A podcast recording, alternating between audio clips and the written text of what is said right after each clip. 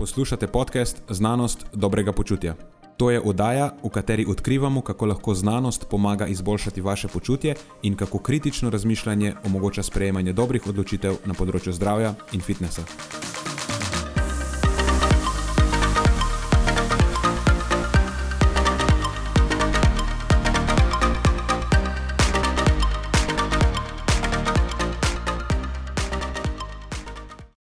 Pozdravljeni, z vami smo Nenad in moj sovoditelj Matjaš. V uvodu v tokratno epizodo se najprej sprašujeva, kaj točno naj bi pomenila besedna zveza funkcionalni fitness, v rednem delu pa se ukvarjava z neželenimi učinki meditacij usredotočanja, kot je naprimer čuječnost oziroma mindfulness in sorodne tehnike, ter vplivom kofeina na tako imenovano kurjenje maščob, oziroma s tem, kakšne implikacije naj bi to nosilo za telesno sestavo in zmogljivost. Preden začnemo, pa se moram zahvaliti še našim sponzorjem. Zaenkrat to še vedno ni velika korporacija, temveč zvesti poslušalci, ki nam izkazujete zaupanje in podporo s prijavo v našo člansko skupino Znanost dobrega počutja. Hvala vsem, ki s tem držite luči prižgane in omogočate podkastu, da raste ter postaja še bolj kakovosten. Hvala tudi vsem ostalim, ki nas podpirate z visokimi ocenami in pozitivnimi komentarji, ter tako, da priporočate podcast svojim znancem in prijateljem. Zdaj pa je končno čas za začetek epizode. Uživajte ob poslušanju.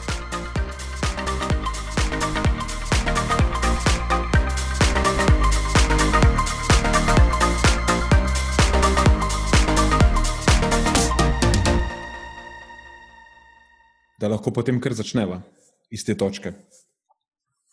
Ja, mislim, zadnjič je malo trpel zvok, ker sem tokrat, oziroma zadnjič sem bil jaz v neki podmornici, očitno, da je tako odmevalo.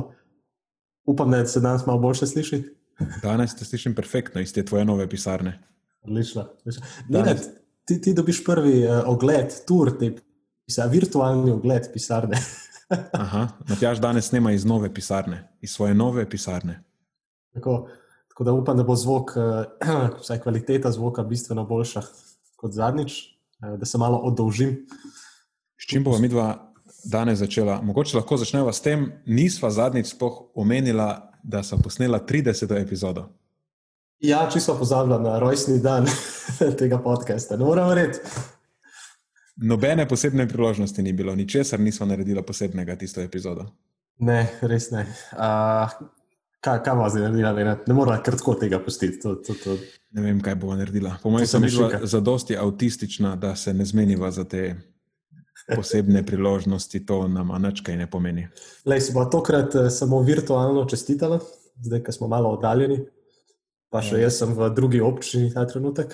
Um, pa pa mogoče, ko bo ena večja, eh, recimo 50, takrat pa mislim, da se bo zadeve že malo sprostile, pa no, vsaj upam pa bo malo bolj, tako kot se šika.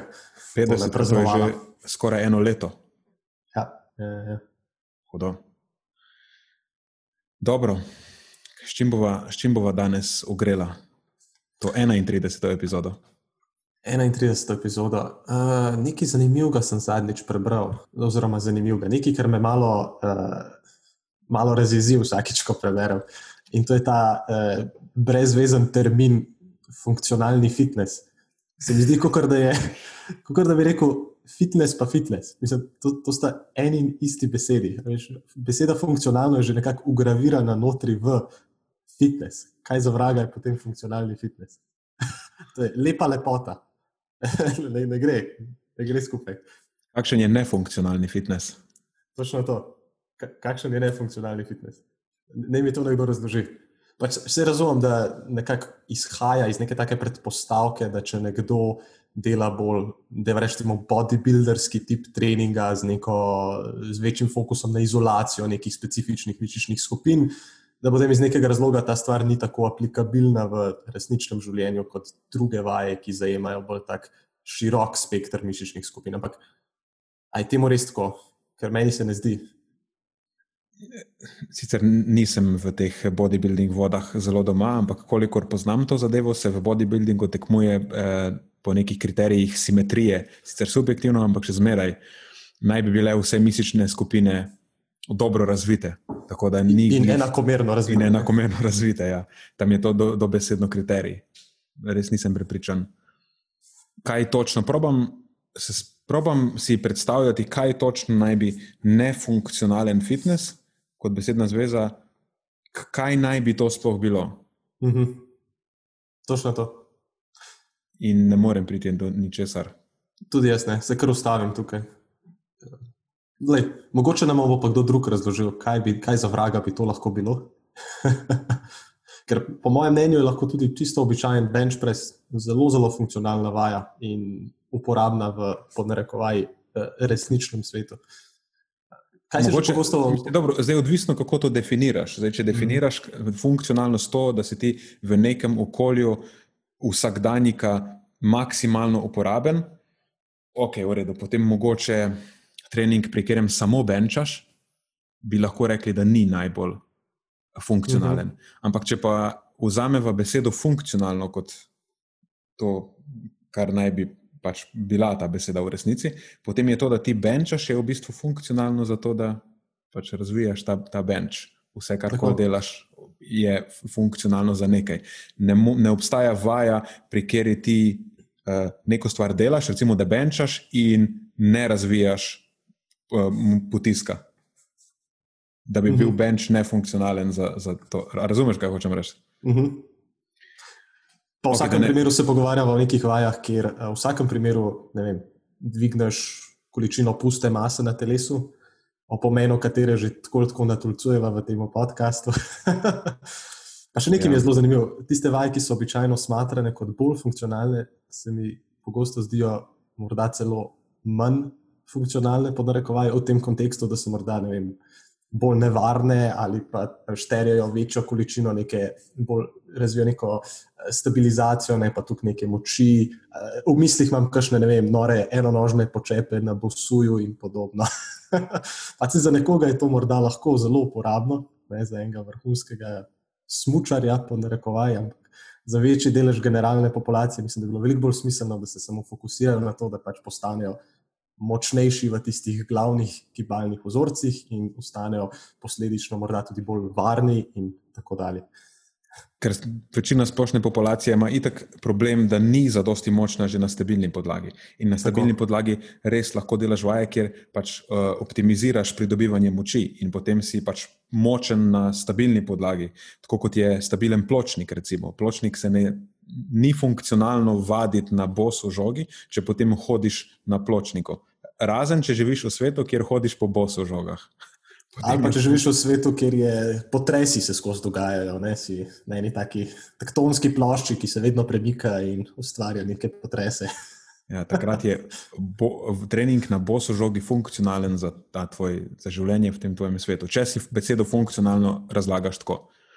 Ampak v resnici je pa trening na bosu žogi funkcionalen za to, da razvijaš neko ne, ravnoteže ali karkoli na žogi delaš. Uh, Um, počep je funkcionalen za to, da razvijaš počep, bench je funkcionalen za to, da razvijaš bench, in tako naprej. Vse je funkcionalno za nekaj.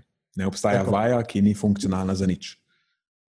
Tako. Ja, se pa vsekakor strinjam. Sedeti na kavču je funkcionalno za to, da pač razvijaš sposobnost sedenja za kavčom. Maratonski sedač.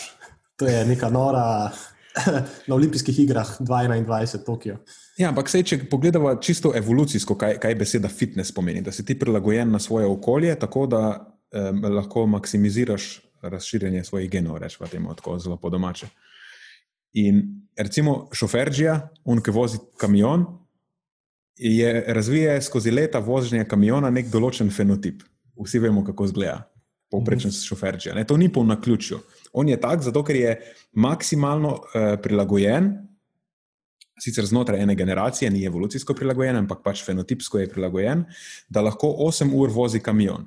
In on je zdaj, to je, da sedi in vozi kamion, je za njega funkcionalna vadba, za njegovo službo. In za vsako stvar, ki jo pogosto v življenju počnemo, pač jo eh, optimiziramo tako, oziroma izvajanje te aktivnosti optimiziramo tako, da jo čim večkrat delamo, in je to naša funkcionalna vadba, in potem postanemo boljši v tem. Če nekdo hoče laufati, bo pač šel uh, laufati in bo to tako postal boljši tekač.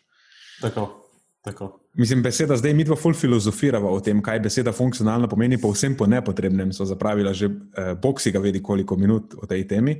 Zato, da bova na koncu zaključila, da je beseda funkcionalna v bistvu brezvezna beseda, ki je od, popolnoma odveč, tako kot je popolnoma odveč teh 10-15 minut, ko se mi dva o tem pogovarjava. In tako se konča še en klasični uvod podcasta Znanost dobrega počutja. Ja.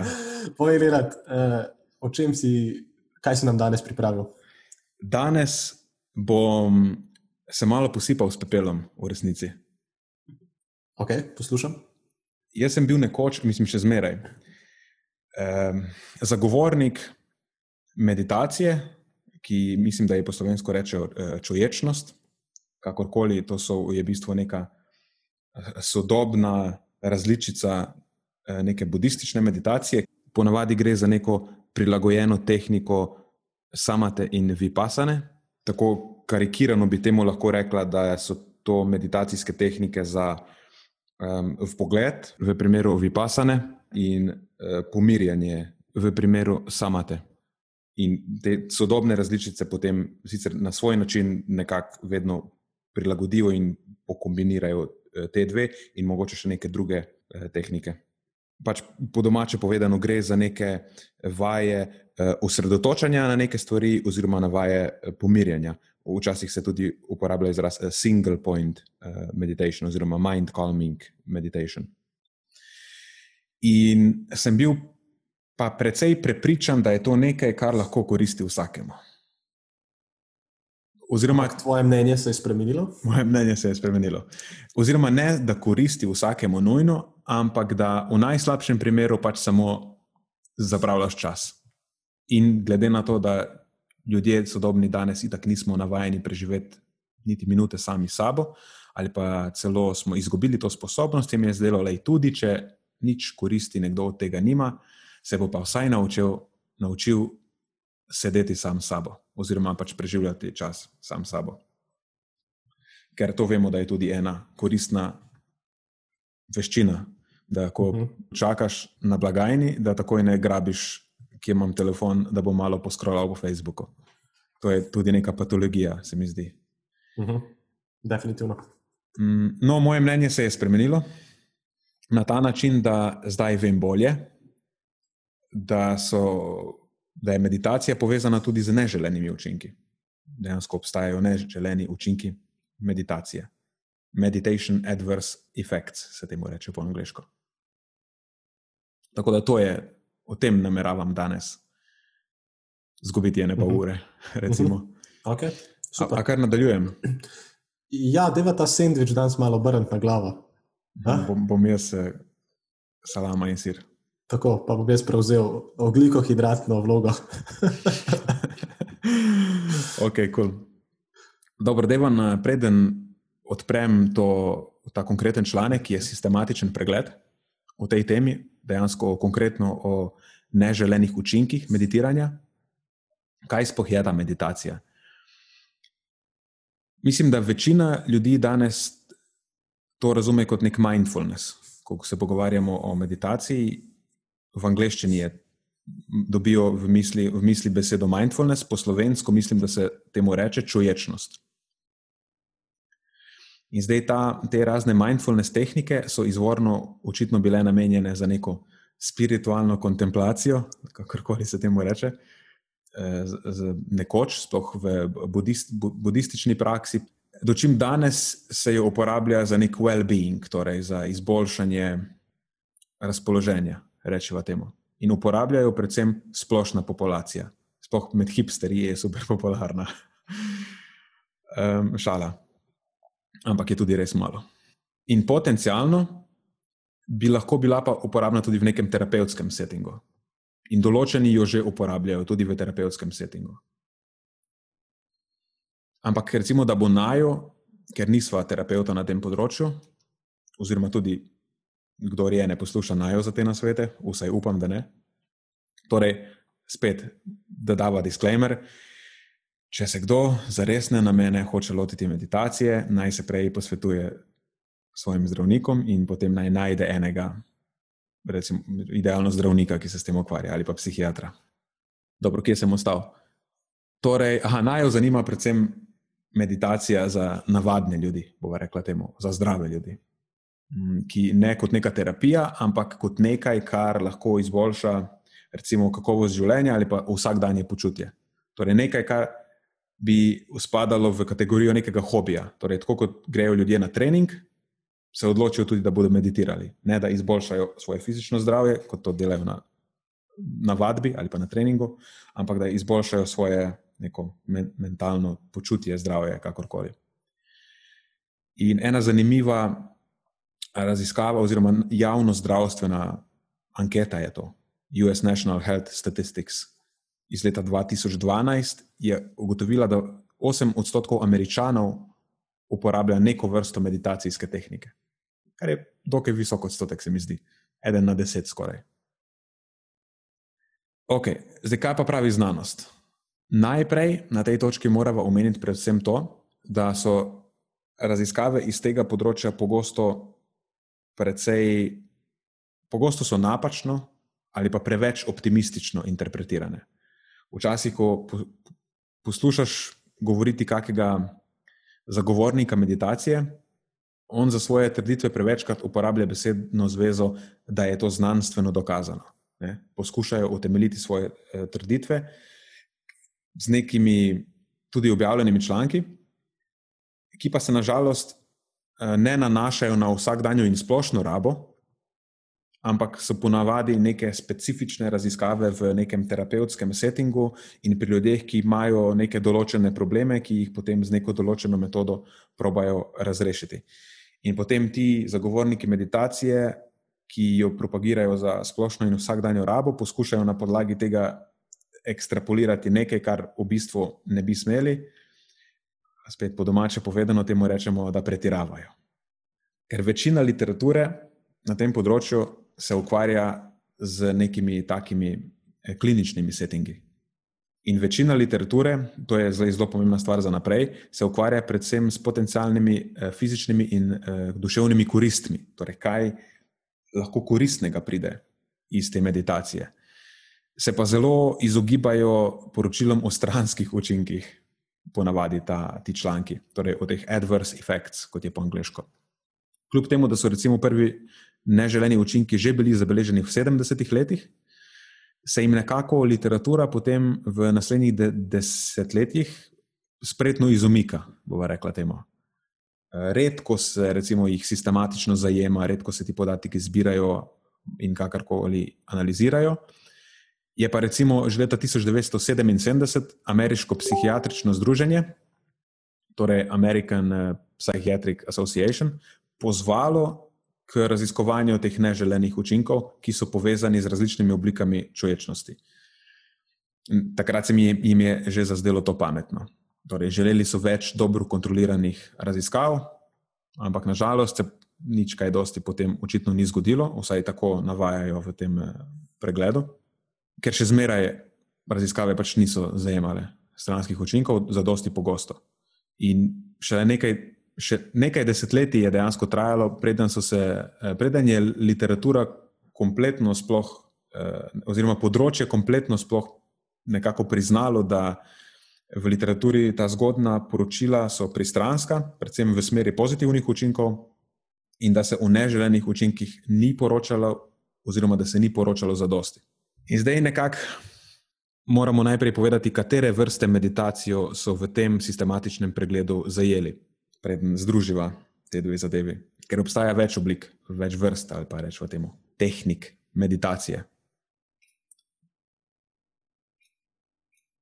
Ups, mogo sem zapreti krom, ker, mi, ker se mi dere me moti. Oh, mogo to zrezati. Pa. Torej, obstaja več oblik.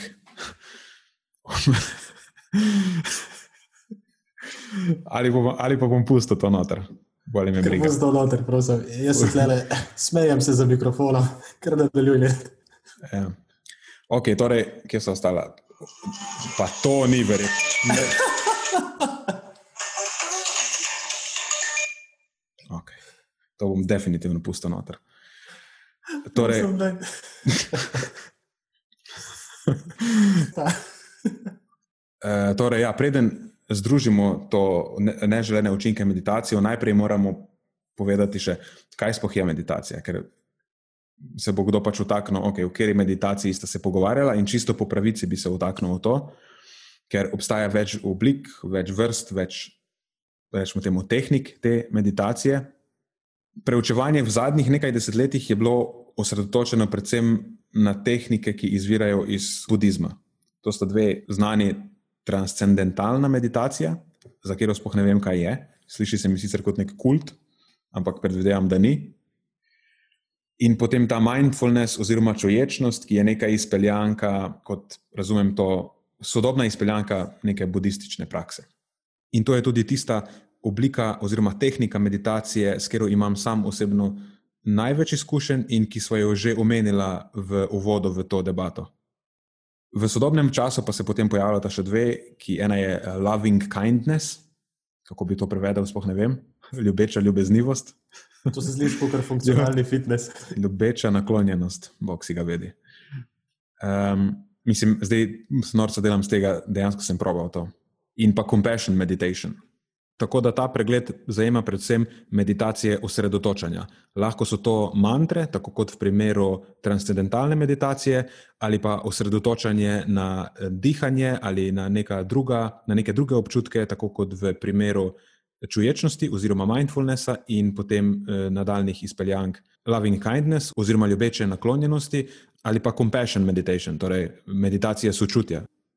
Recimo te napredni api, čistko za za vmes. Mislim, da sem preizkusil večino, oziroma celo vse te najbolj popularne aplikacije za meditacijo. Um, vem, da Headspace določene komponente tega, kar sem zdaj jih omenil, vsebuje, oziroma jih nekako pač skozi ta svoj način proba integrirati. Pa Sam Harrisov app Waking Up tudi proba združiti več različnih tehnik imam pa čisto za, kot, kot zanimivost. Mislim, da najdaljšo zgodovino na, na Headspaceu. Mislim, da celo trenutno mi teče letna ročnina, ki je sicer nisem koristil že nekaj časa, ampak v glavnem par let je moj, je moj staž tega. Um, je pa še ena Calm, ki je precej podobna Headspaceu. V zadnjih letih se je razvila malo širše, in obstaja še ena od še enega Harrisa, neki, neki percent, ampak tam sem bil zelo na kratek čas in me ni pretirano navdušila. O, o glavnem, ok, da gremo naprej. Kot nekdo reče, da meditira, ga je treba naslednje vprašati, kaj sploh, mislim, o čem sploh govoriš. Ne? Ker različne tehnike meditacije angažirajo različne eh, mehanizme, eh, kognitivne mehanizme, rečeva, ali pa še bolje rečeno, so povezane z temu rečejo različnimi eh, neuralnimi korelati. Se ne vem, če je to slovenska beseda, po mojem, da je, po angliško je neural uh, correlates. In v bistvu gre samo za, to je beseda, ki povzema aktivnost možganov, možganov ki ustreza neki določeni izkušnji, ali pa je celo nujna, da povzroči to izkušnjo, ki jo ti doživljaš. Recimo, imaš neuralni korelat um, sanjanja, ko sanjaš, So, to pomeni tiste dogodke, ki se zgodijo v možganjih takrat, da se lahko tebi manifestira izkušnja sanjanja.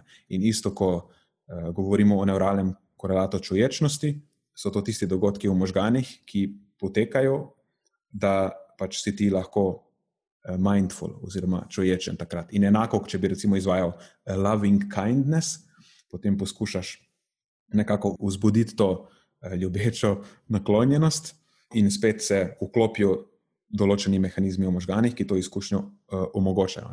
Da, če probam to nekako malo strniti na krajše, po domače povedano, aktivirajo se neki deli možganov, ki uh, dosledno korelirajo s to specifično izkušnjo. Recimo, če bi imela deset ljudi, ki probajo izvajati uh, ta loving kindness, bi se približno enake regije njihovih možganov uklapljale, kot to čutijo. A, a sem uspel to, vsaj približno, povzeti ali sem zaklaval? Ne, ne, ne. Vse je v redu, še sledimo. Okay, cool.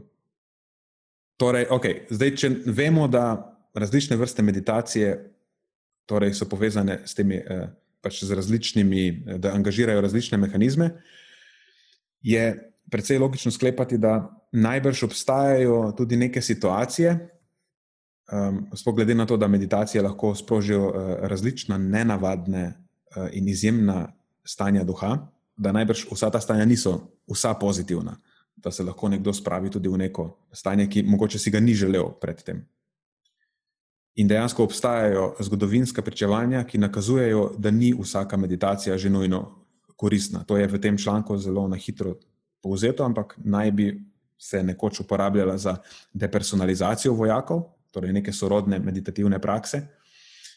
Depersonalizacijo, pač ne vem točno, kaj bi to naj segalo, ampak predvidevam, da nekaj, kjer ti vojaki grejo čez te mehanizme, ki jih ščitijo pred tem, da bi počeli nekaj, kar se njim ne zdi prav, in lahko pač izvajo neko, verjetno, nasilje, ki ga prej ne bi.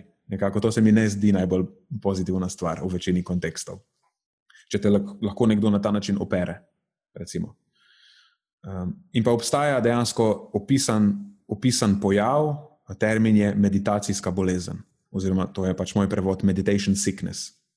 In že prvi meditacijski priročniki, že res tisti prvi, prvi budistični, so vsebovali opozorila, in pa tudi bolj eh, sodobni strokovni, recimo tam iz začetka 20. stoletja, so tudi vsebovali upozorila, da je pač meditirati potrebno prav, karkoli to pomeni. Ampak kljub temu, recimo v zadnjih 20 eh, letih, ti neugodni učinki meditacije, ti meditation adverse events, so bili pač ignorirani, večinoma vsaj tako poročajo po tem pregledu. Ker mislim, da so na začetku našli ne vem, nekih tisoče člankov, ampak jih niso mogli vključiti večino, nabrali so jih eh, peščico, ker pač večina ni poročala o nobenih stranskih učinkih, niti niso omenili, da bi lahko, da bi lahko to bilo karkoli pomembnega za potencijalno spremljati. Tako da šele v zadnjem času se je nekako začelo bolj dosledno upozarjati, da nekateri posamezniki lahko kažejo po meditaciji tudi neugodne ali pa recimo škodljive učinke. In tukaj govorimo res o škodljivih učinkih, ne o neuporabnih učinkih ali pa o tistih, ki niso v pomoč, na rekovaj. Recimo, da zgubljaš čas. Ne, ne, ne govorimo o tem, ampak govorimo res o učinkih, zaradi katerih pride do poslabšanja nekih uh, simptomov. In vemo, v recimo, tej psihoterapevtski literaturi se navaja, da 3 do 10 odstotkov posameznikov po neki terapiji lahko doživi poslabšanje stanja. To ni nekaj, kar je skrivnost. In pazi to, podoben odstotek se poroča tudi pri eh, fizični relaksaciji. Torej, če daš nekoga počivati, rečeš, ti si preveč si delal, pojdi počivati. Bo nek odstotek ljudi, pri katerih bo to sprožilo povečanje anksioznosti. In temu se reče, to je očitno strokoven termin, relaxation induced anxiety. Torej, s sproščanjem povzročena anksioznost. Bojim se, da jaz malo trpim za tem. Tako ja, občutek ima. You and me both. Ja. Uh, ti in jaz oba.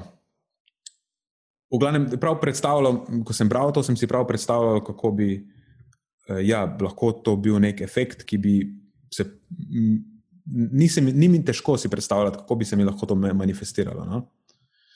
In res gre za to, da pač niso vsa orodja za vse uporabna. Imaš specifično situacijo, kjer moraš ti kot nek strokovnjak oceniti, katero orodje je pomembno. Pri nas v prehrani je tako in očitno je tako tudi vse posod druge. In sej vemo, recimo v medicini temu rečejo iatrogeni učinek, gre za pač učinek, ki je eh, nenamerno škodljiv učinek, ki ga lahko povzroči zdravnik ali pa zdravstveni delavec ali pa pač nastopi kot eh, stranski učinek nekega zdravila ali pa intervencije. Včasih so to lahko neke interakcije z zdravili, lahko so alergične reakcije, lahko ti, ne vem, predpiše zdravnik zdravilo za eno stvar, ampak ti povzroči čir na želodcu. O, o, tem, o tem govorimo. Pač to so stvari, ki se ki so dosti krat niso predvidljive, včasih so predvidljive, včasih je napaka, včasih pač je neko na ključje, in enako je najbrž tudi pri meditaciji. Oziroma, lahko rečemo širše na področju duševnega in kognitivnega zdravja. Obstaja nevarnost, da če se situ situacija ne oceni dobro in se uporabi napačna metoda, da se lahko zadeva poslabša. In to je tisto, recimo, kar je nekako smiselno imeti v mislih, ko razmišljamo o meditaciji. In tukaj zdaj nastopi ta naša raziskava, koliko je dejansko teh negativnih učinkov, oziroma kolikšna je pojavnost neželenih učinkov, uh, specifično znotraj populacije, rečemo temu, meditatorjev. Ta pregled je vseboval vse raziskave z tistimi vrstami meditacije, kjer se ljudje osredotočajo na, na nekaj. Bodi si gre za, za čuječnost, ko so samo uh, mindful oziroma čuječni o tem, kaj se dogaja okoli njih, oziroma spremljajo svoje dihanje in take reči, kot tudi recimo ponavljanje nekih manter, to je transcendentalna meditacija, oziroma neke sorodne vrste meditacije, kjer se te mantre ponavljajo, in pa vrste kot so loving kindness, oziroma ta ljubezniva naklonjenost, in pa compassion, oziroma sočutje, kjer dejansko se osredotočamo na to, da pravimo širiti ta svoj krok eh, ljubeznive naklonjenosti in sočutja. Naslov je Adverse Events in Meditation Practices and Meditation-Based Therapies, a Systematic Review, Farias in sodelavci 2020, zelo sveža stvar, objavljena je v Akta eh, Psihiatrika Skandinavika, to ni uporabna revija. V glavnem, na tem področju je tako, da prejšnji pregledi nekako nakazujejo, da je možnost za neželen učinek pri meditaciji zelo nizka en na zadnji pravi, da je en odstotna, ampak, to je pa velik ampak, bomo kasneje videli zakaj, je samo na podlagi vključenih randomiziranih, kontroliranih raziskav. Torej, to so tiste raziskave, ki so ponavadi neke zelo take v nekih terapevtskih settingih z specifičnimi populacijami. Medtem ko ta nov Farijasov sistematični pregled gre za širok sistematičen pregled literature, kot so oni to poimenovali, in vključuje vse vrste empiričnih poročil, skoraj ne glede na njihov metodološki eh, pristop, vse, kar je kadarkoli poročalo o neželenih učinkih. To je lahko minus, lahko je plus. V tem primeru mislim, da je bolj plus kot minus. Njihov sistematičen pregled sledi tem eh, prizma smernicam, to je ta set 27 načel oziroma pravil, ki, jih, ki jim avtorji nekako sledijo in ki določajo nek standard, nek minimum, po katerem se potem lahko pregled literature šteje kot dokaj rigorozen. Ne gre zdaj, da so oni probali v jabolke in hruške in pomaranče in prašiče vključiti v, v to, ta sistematičen pregled in zaključiti nekaj, o čemer se ne bi smelo zaključiti, ampak so res probali eh, kompletno oceniti literaturo ki je zelo pomanjkljiva. Ne? In če se pretirano v tem omejiš, v tem pogledu, potem pač ne moreš ničesar zaključiti. In je pač smiselno z nekim kritičnim pristopom oceniti vse, kar, kar imamo. Tudi, recimo, neke, nek, nek, neki case study, ki so študije primerov, ki jih načeloma sploh ne obravnavamo kot nekaj, kar bi bilo kakorkoli relevantno, ko imamo veliko opazovalnih raziskav na voljo, ali pa še veliko randomiziranih raziskav dočim, ko jih nimamo, je tudi to lahko koristen podatek, seveda, če se ga ovrednoti upoštevajoč njegove pluse in minuse, ne kar neselektivno. V glavnem, v tem pregledu so jih zanimale tri vrste simptomov: somatski, telesni, potem psihološki in pa nevrološki, oziroma kognitivni, so oni temu tudi rekli. Torej, tri vrste neželenih učinkov najti so uspeli tisoče člankov, ki so omenjali meditacijo, ampak na koncu so jih vključili 83, vse skupaj 6464 udeležencev, to so samo meditiranci v teh raziskavah, brez kontrolnih skupin, drugač bi bilo še več. Raziskave so potekale med leti 1974 do 2019. Bilo je pa skupaj 54 eksperimentalnih, 14 opazovalnih in pa 15 študij primerov. Tako da kljub temu so uspeli vključiti kar nekaj literature, ni zdaj, da so vključili štiri članke. Tako kot zadnjič en članek o, o kambuči. Sistematičen pregled raziskav o koristnih učinkih kambuče vključuje dve raziskavi. Ja, zadnje čase dobivamo kar nekaj takih sistematičnih pregledov, še posebej na naslovu nekih vadbenih raziskav. mislim, da veš, o čem govorim. Uh -huh. Pa mi je tako naravno smešno, da pa ne dve, tri raziskave maksimalno notri. Ja. Dočim ta o kambučju, o katerem govorim, je v bistvu, mislim, da so objavili to bolj za šalo kot za res. Mislim, da so se hoteli malo ponorčevati z področja, ker resnično ni nobenih dobrih raziskav narejenih.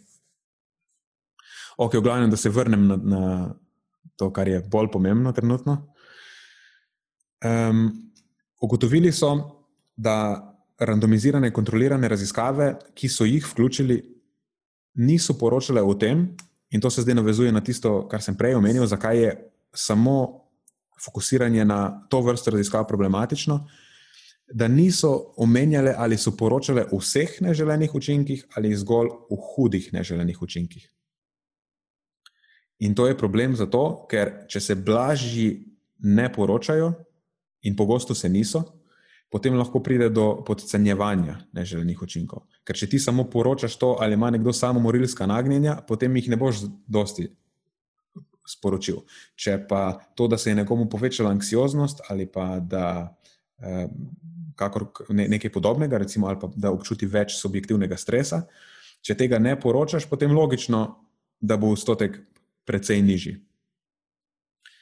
In pa bomo videli, kako recimo v opazovalnih raziskavah je precej več tega, kjer se po, po, poroča vse.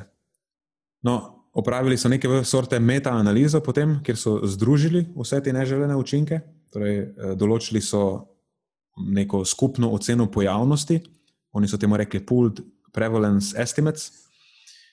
Torej, to je neka skupna ocena pojavnosti neželenih učinkov meditacije. Tukaj v tej raziskavi so študije primerov izključili in so bile vključene samo randomizirane in opazovalne raziskave. In so opazili to, da pri 8,3 odstotkih udeležencev, meditatorjev, je prišlo do neželenih učinkov. Torej, meni se zdi to relativno visok odstotek. V randomiziranih raziskavah je bil ta odstotek 3 odstoten, oziroma 3,7, da bomo točni, skoraj 4. Dočim pazi to, pri opazovalnih raziskavah je bilo 33 odstotkov udeležencev, ki je poročalo o nekem neželenem učinku, torej tretjina. Hm. In to je ta precejšna diskrepanca oziroma uh, razhajanje, ki se mi zdi.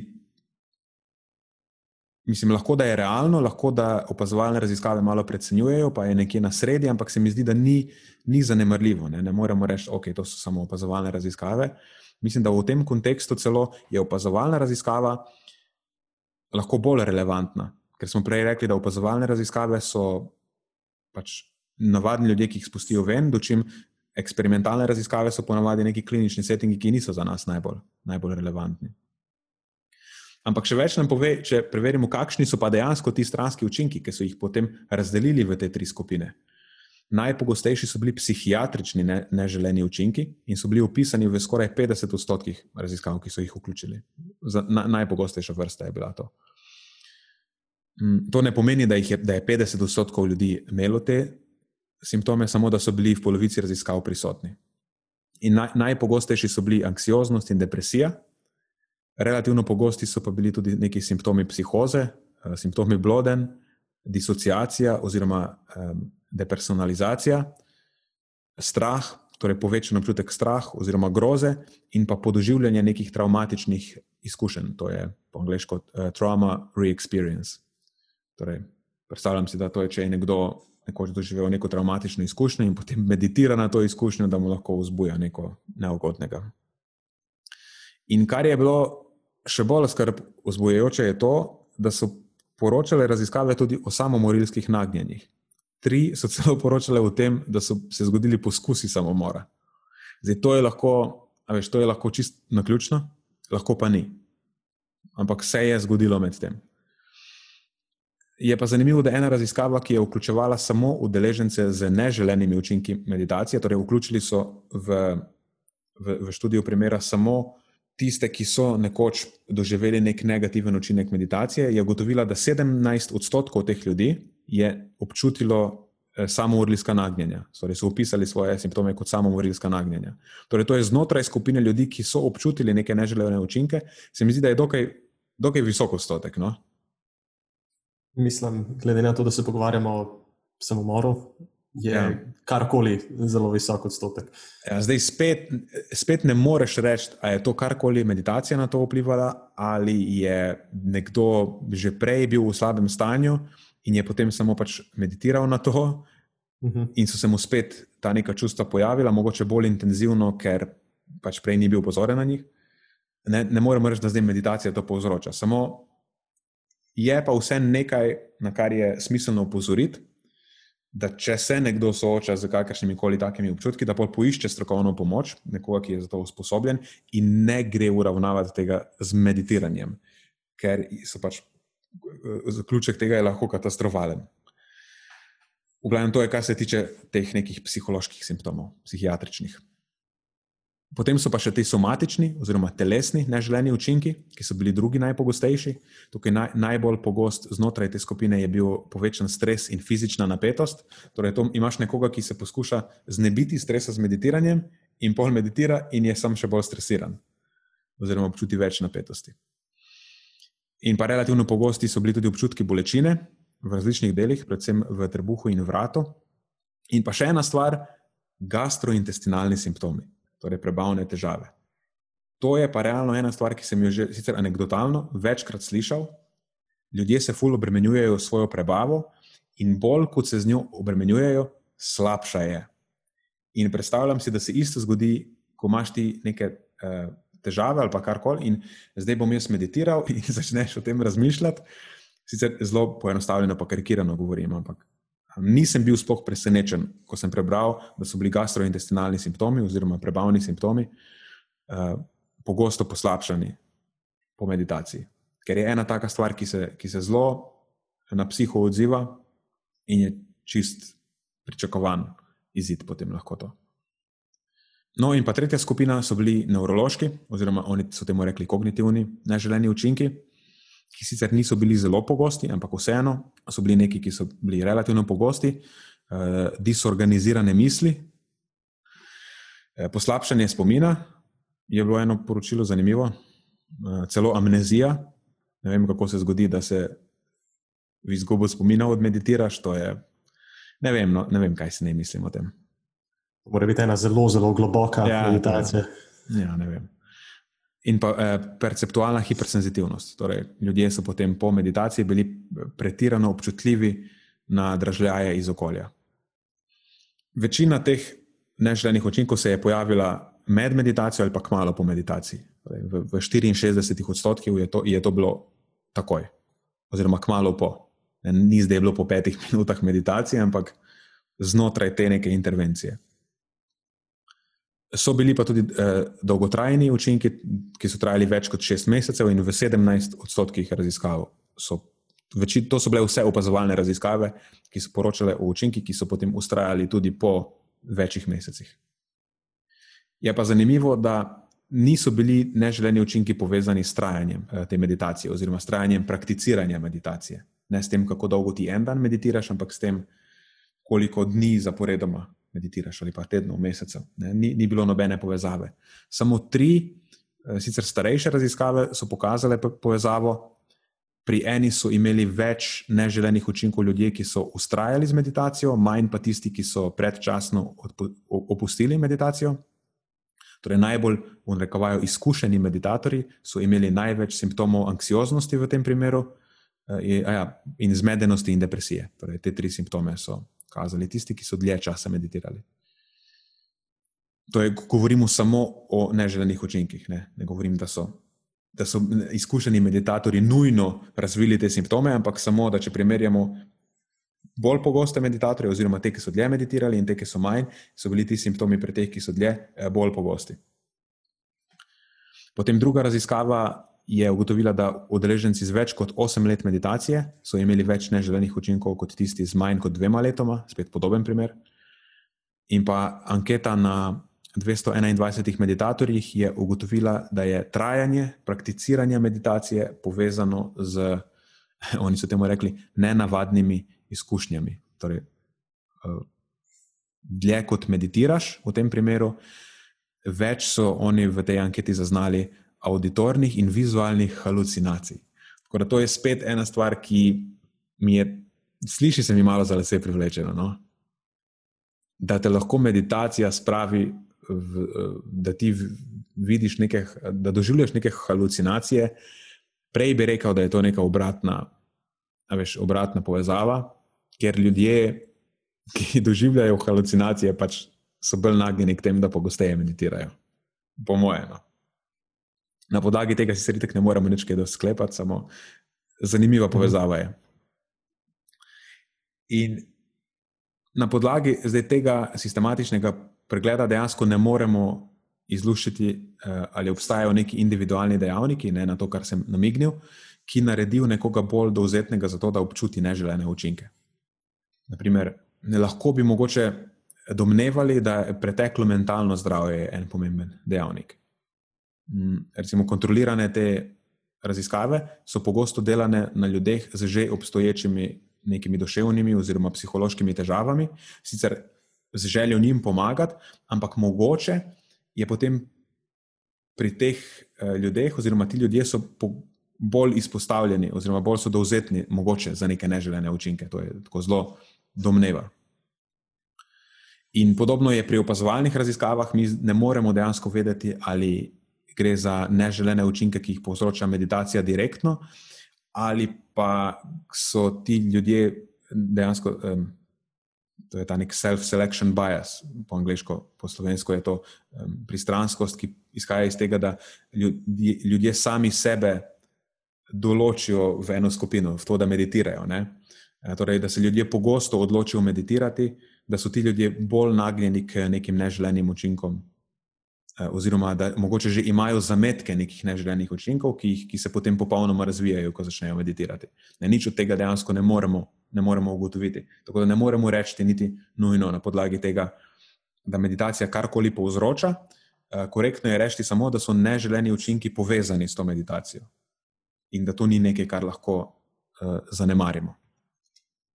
Je pa zanimivo, da v študijah primerov več kot 50 odstotkov udeležencev, ki so občutili neželene učinke, ni imelo nobene zgodovine mentalnih bolezni. Torej, to so bili prej zdravi ljudje, ki so potem šele razvili neželene učinke. Oziroma, vsaj domneva se, da so bili zdravi.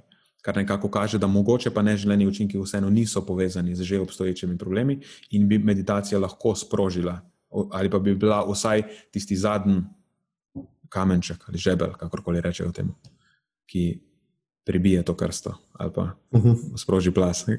Kjerkoli od teh primerjav, kot ste zbrati, sem zdaj pomešal obe dve. Um, Ja. Mogoče ena stvar, ki je še zanimiva tukaj, za mogoče malo jo razširiti, je ta, da torej, omenili smo prej diskrepanco, to je razhajanje v rezultatih med eksperimentalnimi in opazovalnimi raziskavami. Torej, nekaj, kar poteka v kontroliranem settingu nekega skoraj laboratorija oziroma ordinacije, in nekaj, kar ljudje izvajo doma, sami pri sebi doma. Um, Zakaj dejansko prihaja do tako velikega rezultata? Ker smo videli, da v eksperimentalnih je nekje 3 do 4 odstotke neželenih učinkov, dočim v opazovalnih raziskavah tretjina, dobesedno. Zdaj obstaja več razlogov. En je ta, da mogoče, to smo že prej omenili, eksperimentalne raziskave ne poročajo ustrezno o neželenih učinkih, torej poročajo samo hude učinke. Kar bi nekako Mislim, meni se zdi to smiselna hipoteza. Ker, če pogledamo prej vse te tri skupine, pa znotraj teh skupin, koliko jih je hudih in koliko jih je precej blagih, in kako pogosto so bili kateri poročani, če bi recimo od teh 30 odstotkov v opazovalnih raziskavah odštel te, ki so bili bolj blagi, mislim, da bi na koncu prišel glih do enih 4-5 odstotkov, ki so, ali pa 3-4 odstotkov, ki so hujši simptomi. Ampak spet tega ne moremo reči, to lahko samo domnevamo. V glavnem, ja, torej, da prihaja do nekega underreportanja po angliško, podcenjevanja neželenih učinkov znotraj eksperimentalnih raziskav, torej znotraj randomiziranih, kontroliranih raziskav.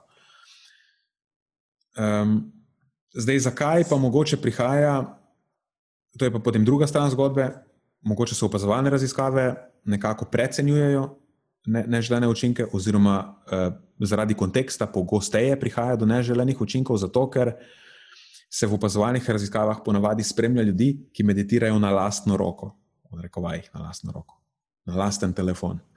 Šala, ker so aplikacije ponovadi na telefonu. Um, v glavnem, brez nekega strokovnega vodenja. Sicer Andy, ki ti govori tam na Headspace, kako meditira, je kul, cool, ampak ni strokovni, oziroma ni nek usposobljen terapeut. In lahko rečemo, da potekajo v nenadzorovanem okolju. No? Um, in mislim, da to bi potencialno lahko bil problem, da prihaja do več neželenih učinkov, kot bi sicer. Medtem, recimo, ko se v eksperimentalnih raziskavah meditacija izvaja pod vodstvom usposobljenega terapeuta oziroma nekoga, ki ve, kaj dela, eh, ta oseba naj bi načeloma znala tudi menedžirati neželene učinke. Kaj praviš? To se sliši dosti uh, smiselno. Zdaj, zdaj moram priznati, da jaz sam nisem tako zverziran na tem področju. Ampak recimo, da se gibljem v krogu ljudi, ki so to prakticirali ali pa prakticirajo, pa moram reči, da o negativnih posledicah uh, meditacije res nikoli nič ne slišim že ta sistematični pregled literature, ki si nam ga danes predstavil, to je bolj kot ne prvi tak pregled, če se ne motim. Ja, prvi. Po kaj, 50 letih raziskovanja tega področja, ja. kar neverjetno se mi to sliši. Mm. Uh, da že v literaturi, recimo, nimamo tega, kaj šele potem, tako, ne, ko se pogovarjaš z ljudmi. Uh, spet pa nakazuje mogoče zgolj na to, da vse ni tako črno-belo, oziroma dobro ali slabo, da vedno obstaja neka sivina in ko si to dobro predstavil tudi v druge aspekte dobrega počutja. To velja tudi pri prehrani, pri vadbi, zdravstvu na splošno. A se ti zdi, da bi mogoče glede na to literaturo, s katero razpolagamo, da bi tudi meditacija morala imeti neke vrste eh, podnarekovaj opozorilo pred uporabo varianta, še posebej za tiste, ki to prakticirajo brez nekega strokovnega vodstva? Ja, definitivno. definitivno. Se to je neka stvar, v bistvu, do kjer sem še Eh, do kjer sem hotel še priti. Uh mhm, -huh, malo prehitevamo. ja, se hotel sem samo, če imaš kakšno stvar, da pa malo da si odpočijem. ja, v bistvu samo kar so hotel reči, da me res fascinira, kako o teh negativnih posledicah še, še nismo slišali. Pa da se mi zdi to, ja, tako kot si rekel, dokaj smiselna hipoteza, kar se tiče tega razkola med, uh, med literaturo, med RCT-ji in med neko opazovalno uh, raziskavami opazovalne narave. Mm. Torej, za konec, to je bilo zdaj tako precej uh, teoretično rečeno temu, ali pa, ja, pač man, manjka ta praktičen del na konec. To nekako sem si želel prihraniti še za ta, za ta drugi del. Kar se tiče literature, točno to, kar, na kar si že namignil, mislim, da opazovalne raziskave so tiste, ki nam oponujejo boljši pogled v kontekst, v katerem se meditacija izvaja danes, ali pa kot jo večina ljudi danes izvaja. Večina meditira kot hobi, ne zato, da bo zdravila nekaj, ampak zato, da bo poskusi izboljšati kakovost svojega življenja s tem. To se dela s pomočjo nekih aplikacij, nekih vodičev, nekih knjig, brez osebnega stika in brez, vsekakor brez nekega strokovnega nadzora. Izjeme so mogoče neki meditation retreati, Um, mislim, to je že čist neka druga zgodba, o kateri ne bi zgubljal besed zdaj na tej točki. Lahko je bolj ali pa manj problematična, kakorkoli. Stvar je, da je ta meditacijska industrija, da to je res masovka. Mislim, da je leta 2019 imel Headspace 40 milijonov downloadov, pač ni neka zanemarljiva stvar. In pač čist z tega se mi zdi korektno, da se začne stvar predstavljati malo bolj uh, objektivno. In da se na koncu reče, da obstajajo raziskave, ki poročajo o neželenih učinkih meditacije, in te raziskave zaznavajo tako poslabšanje somatskih, psihiatričnih in nevroloških, oziroma um, kognitivnih simptomov. In da zanimivo so ti simptomi pogosto ravno tisti, ki naj bi jih, jih meditacija olajšala, oziroma zmanjšala. Govorimo o anksioznosti, depresiji in stresu, ki se poslabšata pri nekem deležu ljudi. Zdaj, nekateri pravijo, da je to poslabšanje simptomov samo začetna barijera, v narekovajih, in da je to na dolgi rok koristno za osebnostno rast. Um, realno to se meni sliši kot isti argument, da kot rečejo uh, low carberi, ko jim rečeš, ful, ful se slabo počuti, slabo mi je, stari dva tedna, že komaj živim, pa ti reče, ja, preveč hidratov je še zmer, moraš jih dati bolj ven. Nisi se še adaptiral. Ja, tako pa jim reč, čak stari 10 gramov na dan jih pojem. Ja, ja manj, manj. Ali pa nisi še, nisi, nisi še adaptiran. Ja. Mislim, da je to nek klasičen trik, sam nisi, kao ne delaš za dosti dolgo, pa za dosti dobro. Uh, v bistvu neka, nek pesek v oči samo je. Ne, ne vem. No. Ja, Tlej, mislim, če mogoče, da se motim. Mislim, če prakticiraš nekaj z namenom, da ti pomaga pri tem zmanjšati anksioznost, kakorkoli že, potem načeloma bi bilo fajn, da tudi vidiš kakšne pozitivne rezultate, ne da moraš iti preko neke hudega obdobja, ker ti je še slabše na začetku. Ni smiselno. Ja, recimo. In um, zdaj nekako s tem, naj, s to najno domnevo, oziroma s tem najnim stališčem, se tudi sklada, pazi to, nek zbornik budistične meditacije iz 5. stoletja, ne bom bral imena, ker ga bom itak eh, zaklal. V glavnem tam piše, ta je omenjen tudi v sistematičnem pregledu. V glavnem ta zbornik svari pred tem, da neustrezno izvajana meditacija lahko povzroči, da um postane nestabilen, nemiren in zmeden, oziroma da se ta meditator počuti otopel, zmeden in opadel. Torej, um, ja, tudi budisti v petem stoletju so govorili, da ima meditacija lahko negativne učinke in da jo moraš izvajati prav. Zdaj na tej točki malo imam tako občutek, da mi poskušamo aplicirati eno metodo, ki je prilagojena za neko drugo kulturo, na okoliščine, ki jih povzroča naša, recimo, temu zahodna kultura. To je kot da poskušaš, recimo, da imaš pokvarjene, pokvarjen Windows 10 na računalniku in obstaja, se malo karikiram, obstaja en program, ki, ki si ga uporabljal na Windows 98, ki ti je pomagal um, pač spraviti nazaj ta Windows 98.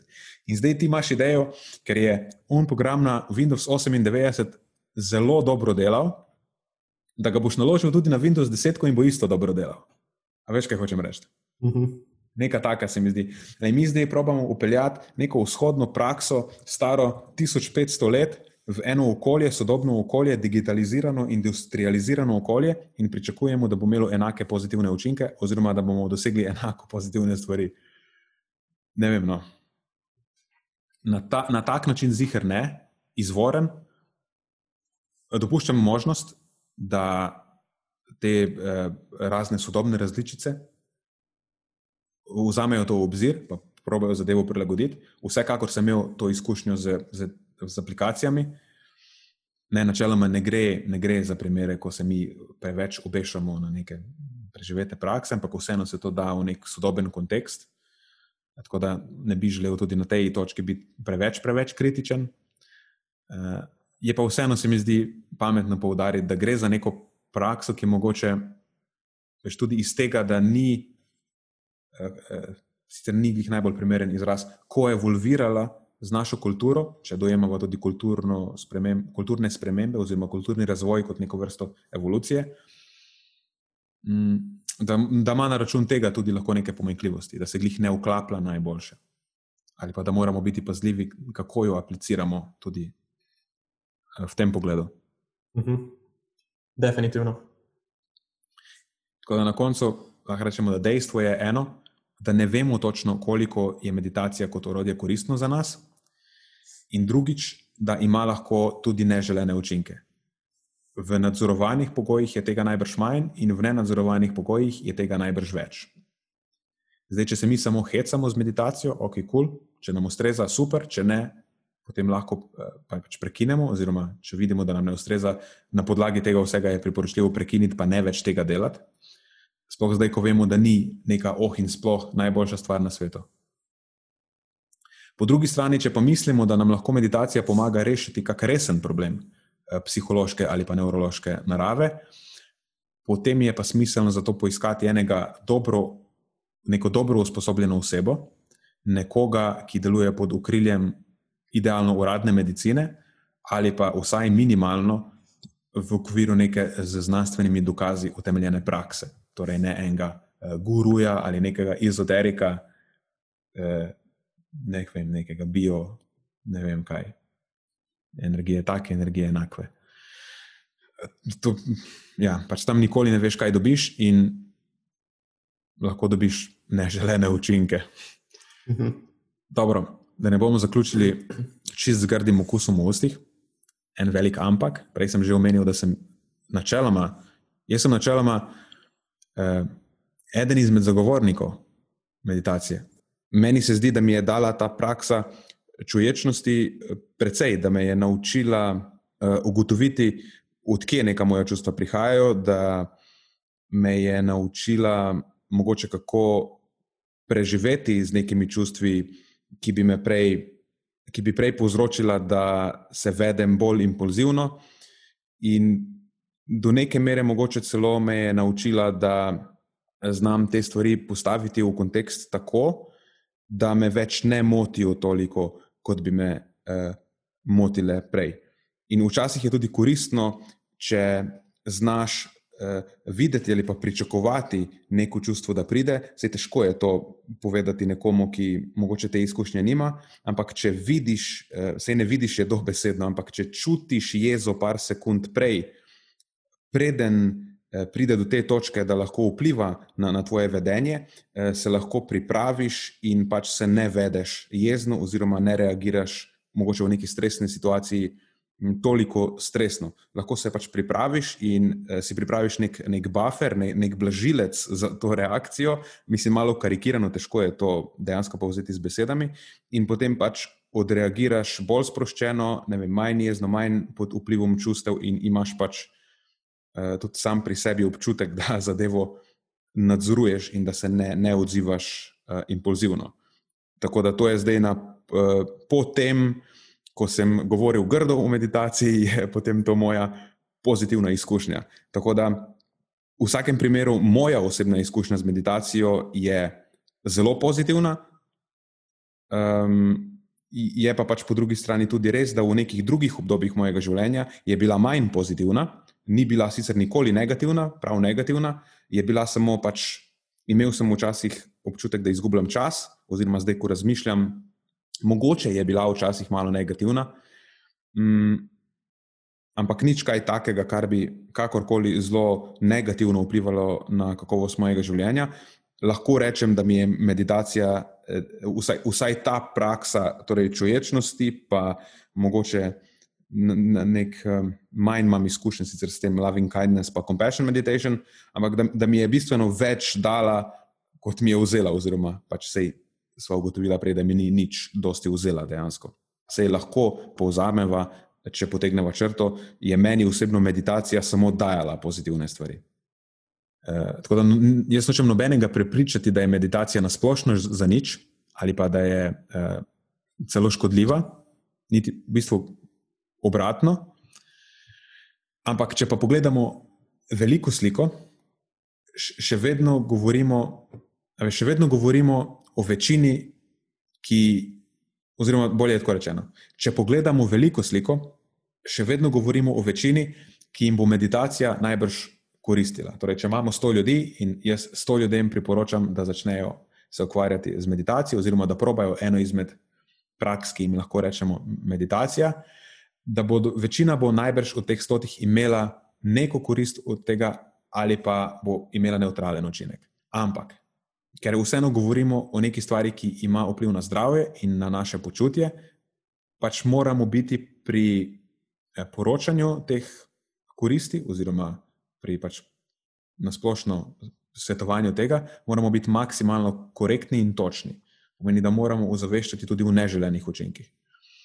Ker trenutno je ta javna razprava o meditiranju precej taka, zelo je pristranska in Eh, američani temu rečejo hyped up, nahajpana, ne vem kako je po slovensko. Pač pretirava se na vseh koncih. Poudarjajo se samo pozitivni učinki, pozablja, zdaj namerno ali ne namerno, pa se neželene učinke. In pač moramo nuj, nujno je omeniti tudi potencijalne neželene učinke, ker na koncu se potem lahko vsak sam lažje odloči, ali je to nekaj za njega, ali morda ni. Tudi če doživi neke negativne učinke, ve, kaj se dogaja z njim, pač ni zdaj, ne počuti se, očitkaj, pa je to bi zdaj moglo pomagati za vse, zakaj se jaz počutim slabše. In potem v nadaljevanju, če se o tem pogovarjamo, pomeni, da lahko tudi um, bolj učinkovito iščemo načine, kako te učinke umiliti, oziroma kako mogoče ugotoviti, pri kom je večja ali manjša verjetnost za neželene učinke, in komu se meditacija lahko svetuje, in mogoče komu se ne more svetovati. Ne. Tu potem pridemo do nekih specifik, odgovorov na te specifike, jaz nimam. To spet jih bodo imeli tisti, ki se na to bolj specifično pozna, spoznajo, oziroma se dejansko ukvarjajo s tem. Fajn bi bilo mogoče spoznati nekoga, ki se na tako zelo evidence-based način s tem ukvarja, um, in ga mogoče celo povabiti na podcast, da, da pove kaj več. Definitivno. To bi bil uh, zelo, zelo zanimiv gost. Mm. Bova, bova uh, imela oči odprte za takega gosta. Ja. Če pa kdo koga pozna, pa kar naj pošlje priporočilo. Za priporočila smo vsekakor odprti. Tako. Zdaj, mogoče to nismo, mogoče smo dolžni še to razlago, kar se tiče gostov. Mm, v preteklosti je bilo tako, da je vsake štiri epizode bil en gost. V tem obdobju, recimo 30. epizoda, bi morala biti prejšnja taka, da bi imela gosta. Nima ga pa zato, ker je to obdobje naj z Matjažem zelo naporno in vedno, ko se pogovarjamo kdaj lahko snemamo z gostom, to pomeni, da še eno osebo moramo vključiti v naš urnik in najti čas, kdaj se njen urnik poklaplja z najnim urnikom. Eh, mi dva že zase, ko maj najdemo čas, kdaj se poklaplja ta najn urnik, tako da je iz tega vidika potem in organizi, organizacijsko najti to osebo in ji poslati mail, in vse to je. Pač v, v trenutno, trenutno nam je pre, preveč naporno, realno, lažje nam je vsakemu eh, pregledati literaturo in pač se pogovarjati o tem. Vsekakor, če pa ima nekdo nek, nekega gosta, ki se nam bo zdel uh, primeren, potem pa vsekakor nam to olajša zadevo in ga bova rade volje vključila. Tako, definitivno. Ok, Nenad, uh, malo se spoči. Hvala ti za ta segment, pa za najstarejšo budistično referenco iz 5. stoletja. Zaenkrat za najstarejša referenca tega podcasta, to je še ja. en mejnik, pomemben, očitno. Jaz nas pa vračam nazaj v leto 2020. Uh, in sicer moja tokratna inspiracija za podcast pa izvira iz ene sveže pečene študije raziskovalcev Ruiz, Morena in sodelavcev iz Španije, ki pa so ugotavljali vpliv uh, kofeina na kurjenje maščob, kurjenje pod narekovaj.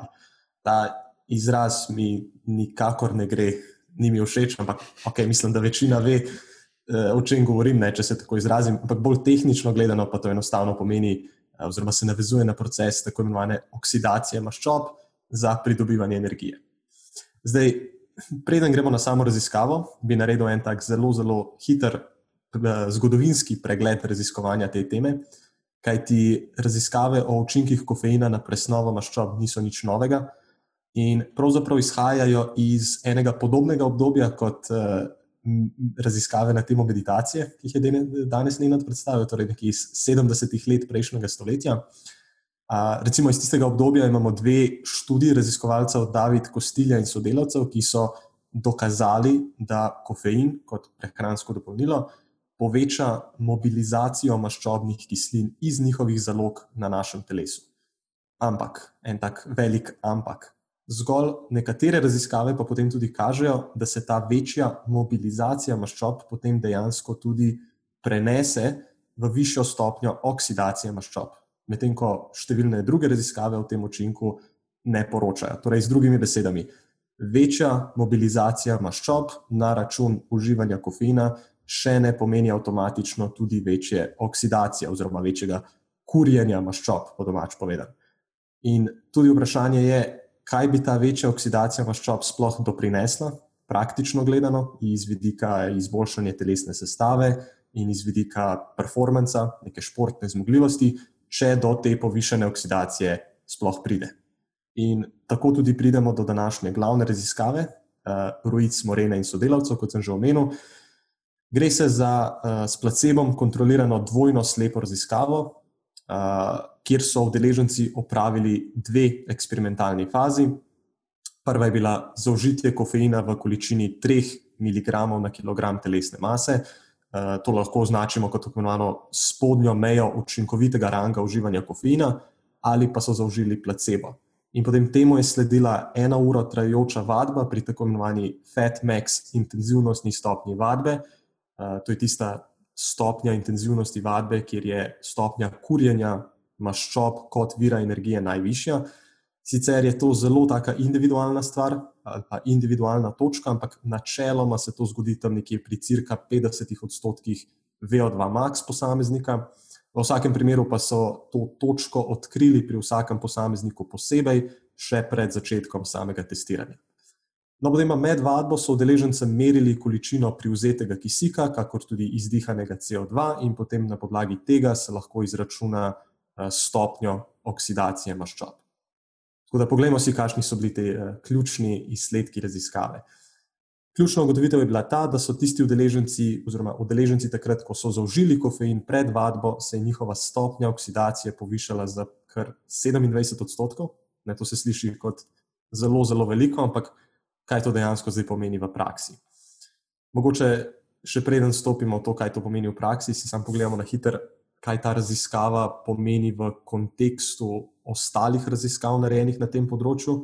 Ne, nekako nesmiselno bi bilo vzeti samo rezultate ene raziskave, pa jih potem uh, brez obzira na drugo literaturo kar tako interpretirati.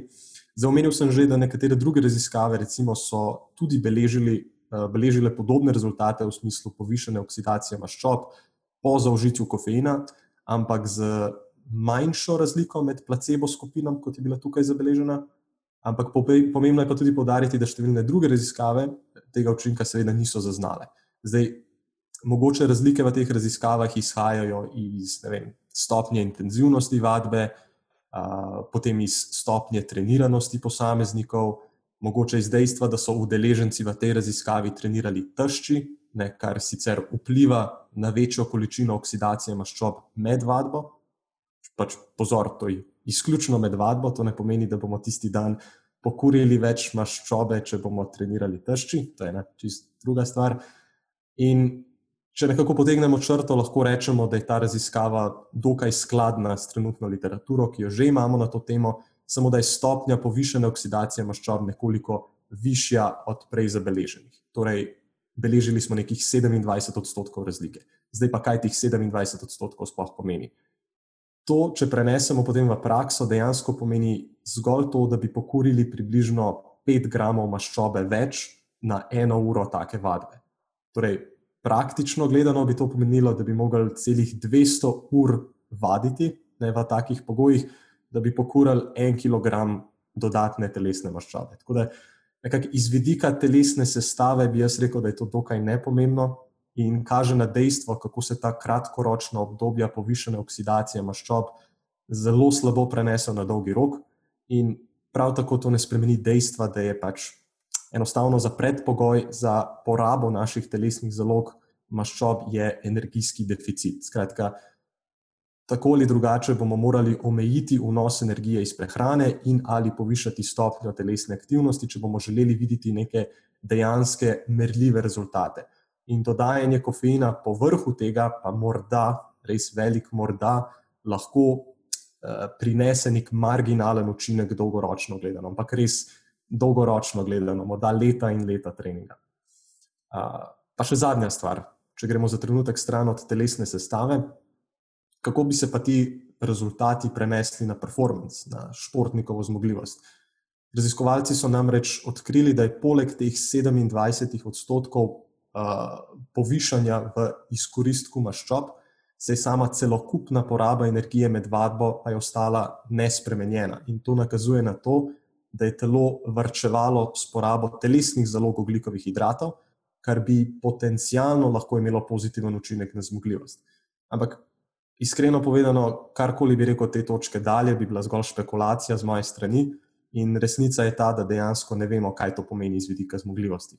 Lahko da ima nek pozitiven učinek, lahko da ne, ampak zagotovo pa tudi, če ta pozitiven učinek obstaja, bi vsaj jaz rekel, da ni pretresljivo velik in pa da največji delež učinka kofeina na performance še vedno seveda izhaja iz njegovega vpliva na centralni žilčni sistem in ne preko oksidacije maščob.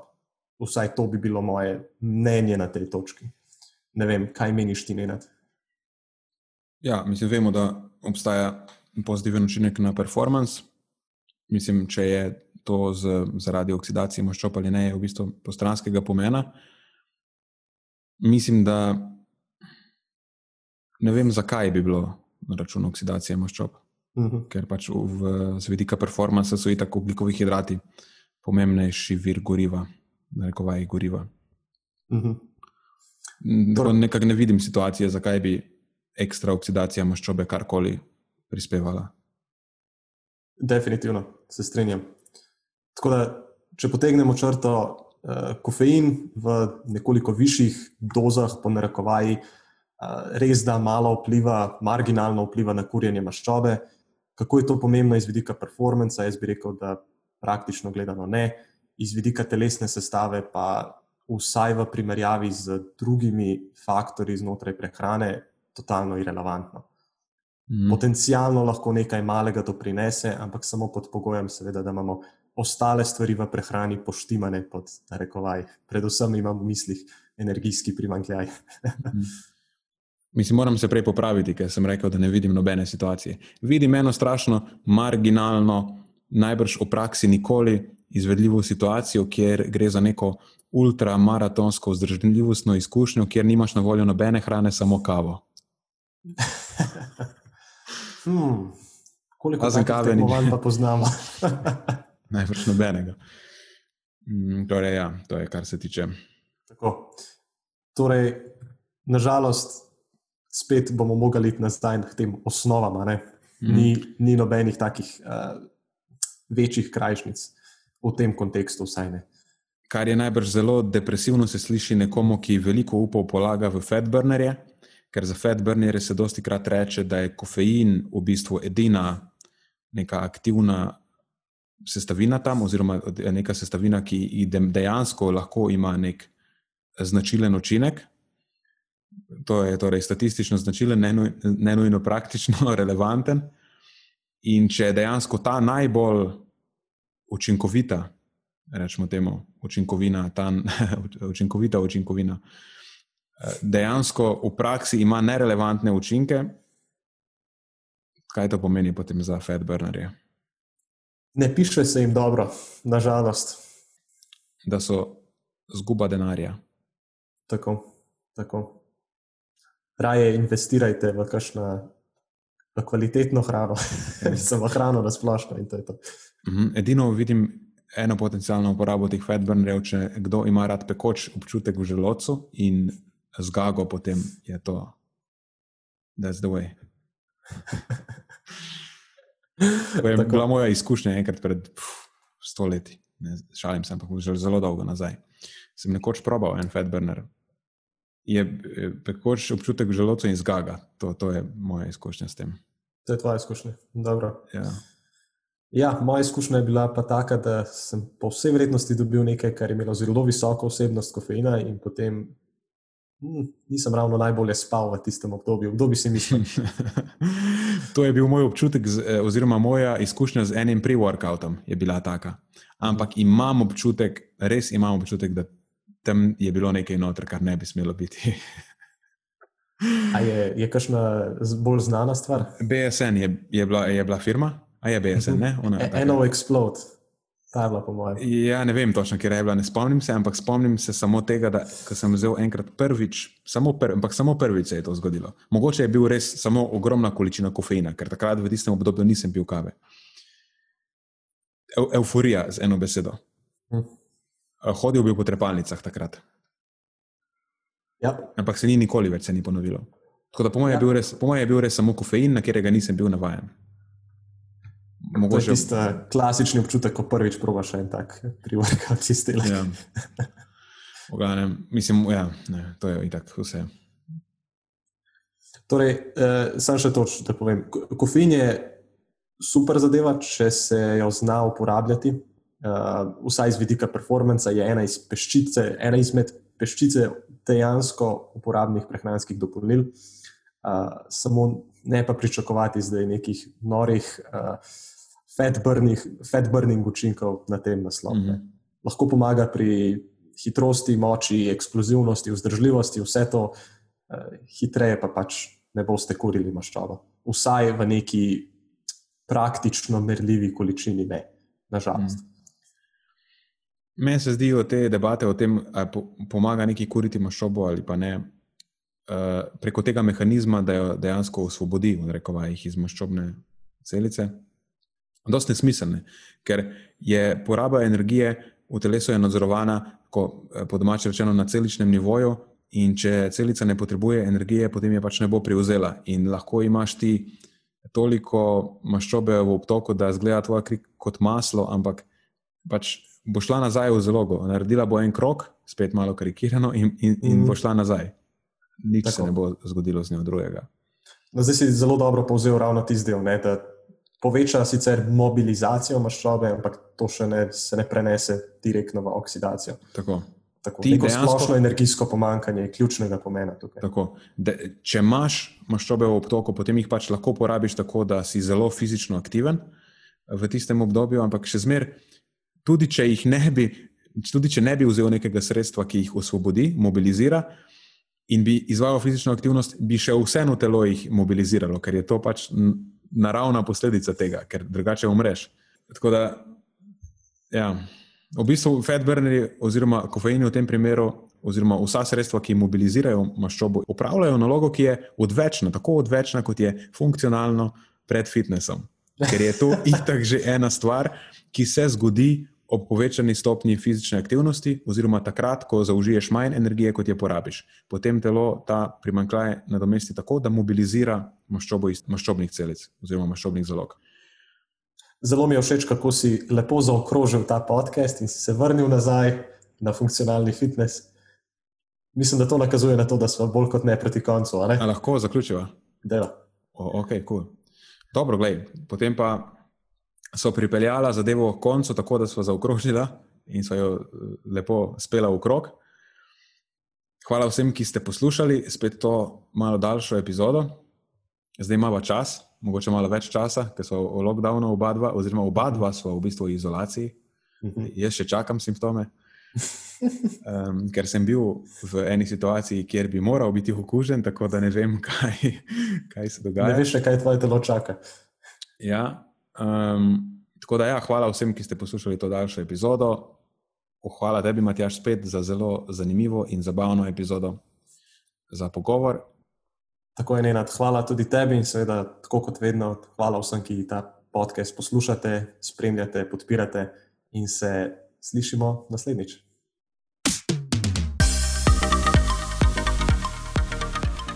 To je za tokrat vse iz naše strani. Hvala, ker ste poslušali do konca.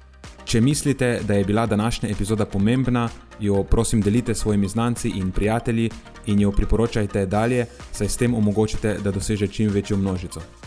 Hvala vsem, ki nas podpirate s članarino in tudi vsem ostalim, ki delite podcast dalje in nam izkazujete naklonjenost z visokimi ocenami in pozitivnimi komentarji. Se slišimo prihodnjič, do takrat pa ostanite premišljeni.